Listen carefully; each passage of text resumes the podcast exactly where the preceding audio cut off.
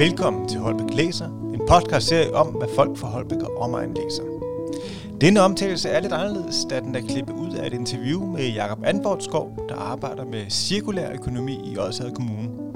Jeg har interviewet ham omkring, hvordan han med sin familie implementerer 2030-planen i deres privatliv. 2030-planen det er regeringsplan om at halvere det samlede CO2-forbrug siden 1990, og målet er siden steget til 70 procent. Og hjemme hos familien Anvorskov, der har de klaret de første 50 procent, men de er endnu ikke nået til 70 procent endnu. Og i interviewet øh, fortæller Jakob om, hvordan han med sin familie og som privatpersoner kan reducere sit CO2-aftryk, og hvad man bør se på. Familien lagde en langsigtet plan og tog et skridt i gangen. Det kan I høre om i podcasten Holbæk og verdensmålene, der kan findes på Holbæk Bibliotekernes hjemmeside. I denne udsendelse er vi nået til et punkt, hvor jeg spørger Jakob om, hvilken bøger han kan anbefale, hvis man ønsker at blive klogere på, hvad man selv kan gøre for klimaindsatsen. Hmm. Så vil jeg høre, om du kan henvise til nogle... Øh, altså, vi har, I har jo selv en rigtig fin hjemmeside, som jeg vil anbefale folk at gå ind og kigge på, for der, ja, der kan man jo se... 2030-planen.dk 2030-planen.dk, yes. Men kan du henvise til nogle andre bøger, hvad vil du anbefale, hvis man Nå, skulle ja. låne noget, eller læse og blive klogere på emnet? Altså jeg, jeg vil faktisk, så vil jeg faktisk starte med, med den, der hedder øh, Rig på tid. Og, øh, og den er skrevet af Nanne Holm Hansen, mener hun hedder. Ja. Og det er lidt sjovt, fordi det handler jo egentlig om noget andet. Det handler jo egentlig om at have et liv, hvor man øh, lige knap har så travlt, og hvor man måske ikke behøver at arbejde 37 timer for at få familiens økonomi og liv til at hænge sammen, men man kunne jo prøve at måske arbejde lidt mindre, eller forbruge lidt mindre, ja. og så faktisk få en anden form for liv. Øh, fordi det er ligesom den, den positive side af alt det her.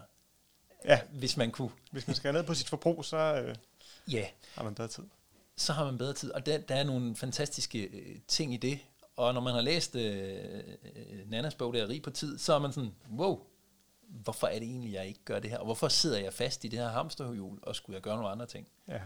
Og øh, hun oplever ret hurtigt, at hun sådan, hey, jamen, når jeg holder op med at bruge penge, så bliver jeg nødt til at finde ud af, hvordan jeg investerer mine penge faktisk. Ja. Selvom hun arbejder mindre. Og, og det er lidt sjovt også for at undgå den der rejse til Thailand. Nu har jeg 16.000 kroner. Skal ja. jeg rejse til Thailand? Ja. Jamen, du kunne også investere dine penge, eller altså låse dem i et eller andet. Ja. Vi har rigtig meget investeret dem i, i husstanden, altså varmepumper, øh, elbiler, ja. solceller og sådan noget. Ja. Men, men efter nogle år, så begynder de penge jo at komme igen. Sådan, wow, Ja. Øh, lige nu er jeg faktisk lidt i tvivl om, at vi skal investere i, øh, hvor, meget, hvor mange solceller, der kan stå på vores lille grund. Øh, og så må, man, så må man ud at investere i, i, i noget andet. Øh, men først og fremmest skal man investere i sig selv og sit øh, fritidsliv og sit familieliv. Ja. Og få en, øh, altså, og huske at prioritere det. Ja. Det er bogen rig på tid, altså virkelig en øjenåbner omkring. Det kan jeg varmt anbefale, også fordi det, det er sådan en positiv tilgang. Så synes jeg, at vi skal skifte til en rigtig negativ tilgang. Så sidder jeg med en bog, som er ret ny af Solvej Røbstof, der hedder Klimapsykologi. Ja. Og øhm, udfordringen er jo, at øh, ja, ja, altså den handler om, hvor, som, som står på forsiden her, hvorfor holder vi klimakrisen ud i strakt arm? Altså, hvorfor, hvorfor gider vi ikke at høre om den? Men også os, der så faktisk tager det ind og begynder at arbejde rigtig meget med det. Vi får jo lidt det problem, at vi står og kigger på en eller anden kant og siger, gud, er det den her kant, verden den ryger ud over? Og der er altså ret mange parametre, mm-hmm. hvor man tænker, wow, det er ikke så godt. Så alle, der, øh, der oplever den gode side af, af det med at beskæftige sig med klimaforandringer, og der er også biodiversitetskrisen og alt muligt andet, kan altså også nogle gange lige få brug for lige at, at give sig selv et skulderklap med at sige, hov, er det, er det helt normalt, at jeg lige bliver lidt, øh, lidt træt af det hele?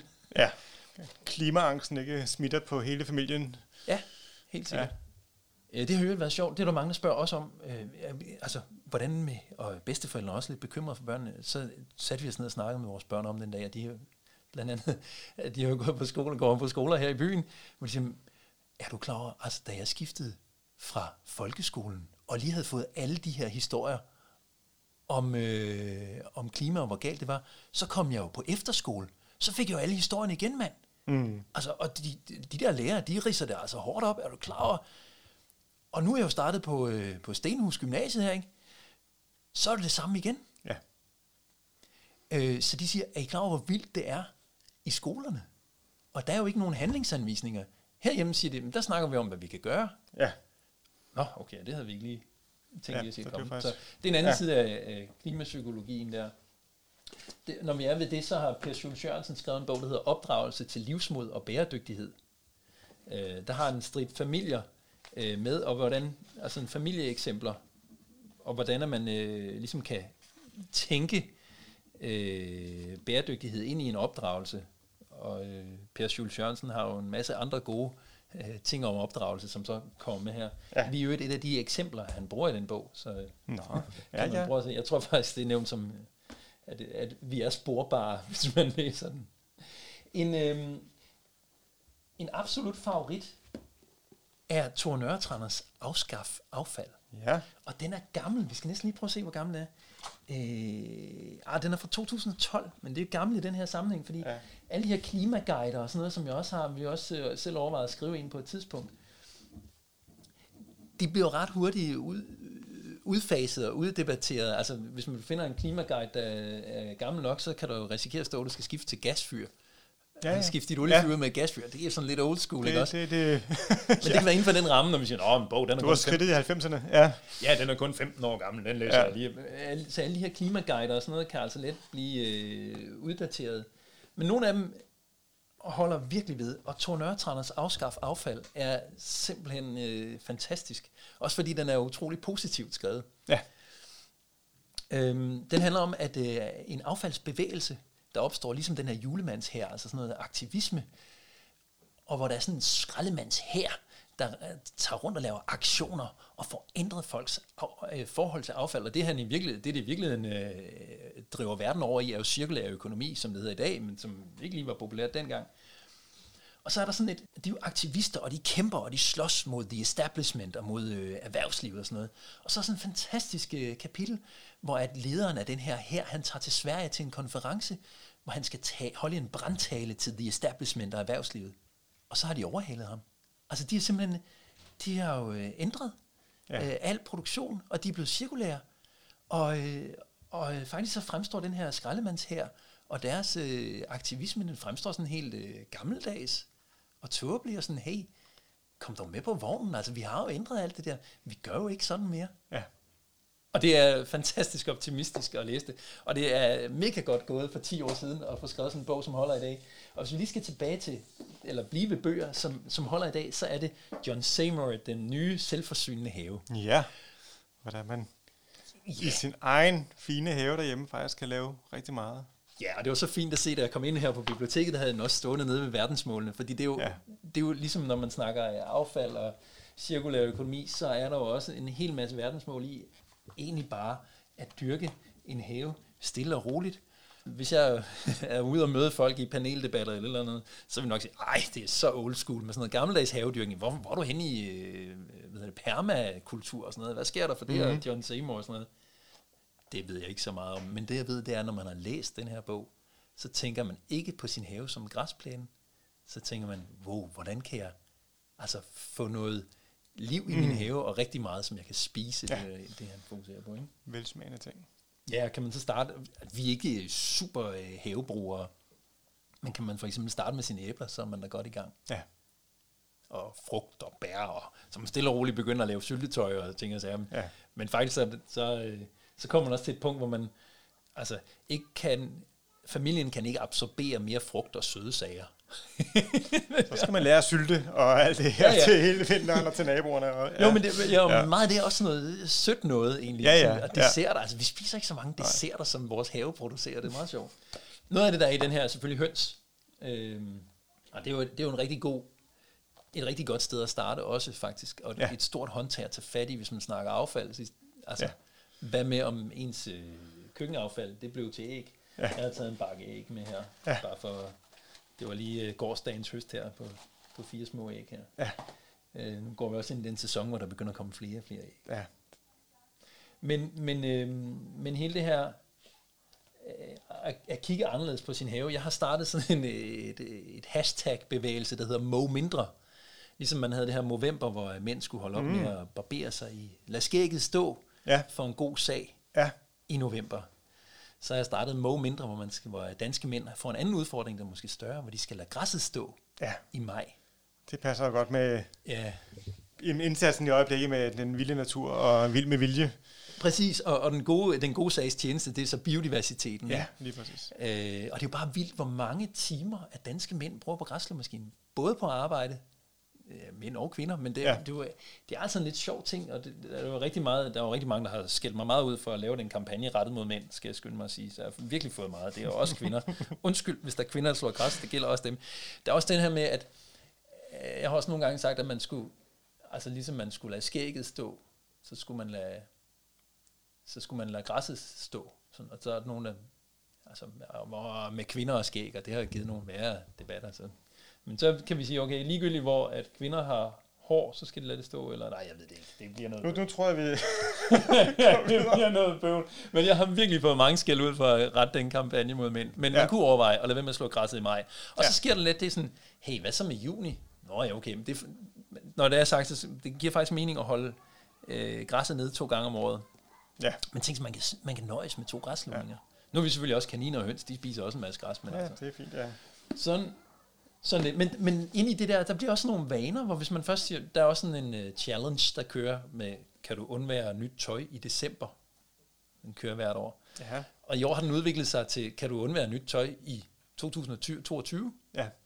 Og det er der jo faktisk en hel del mennesker, nej, det kan man sagtens. Jeg sidder selv her i, ja, der er en trøje med pant på, og indenunder har jeg- tøj, ja. Ja, ja. Indenunder har jeg...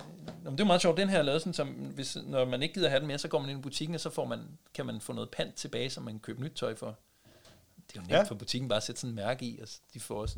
Jeg vil selvfølgelig også altid anbefale øh, min kones egen bøger. Min kone er Charlotte Weitze, hun har skrevet Rosarium, sidste ja. bog.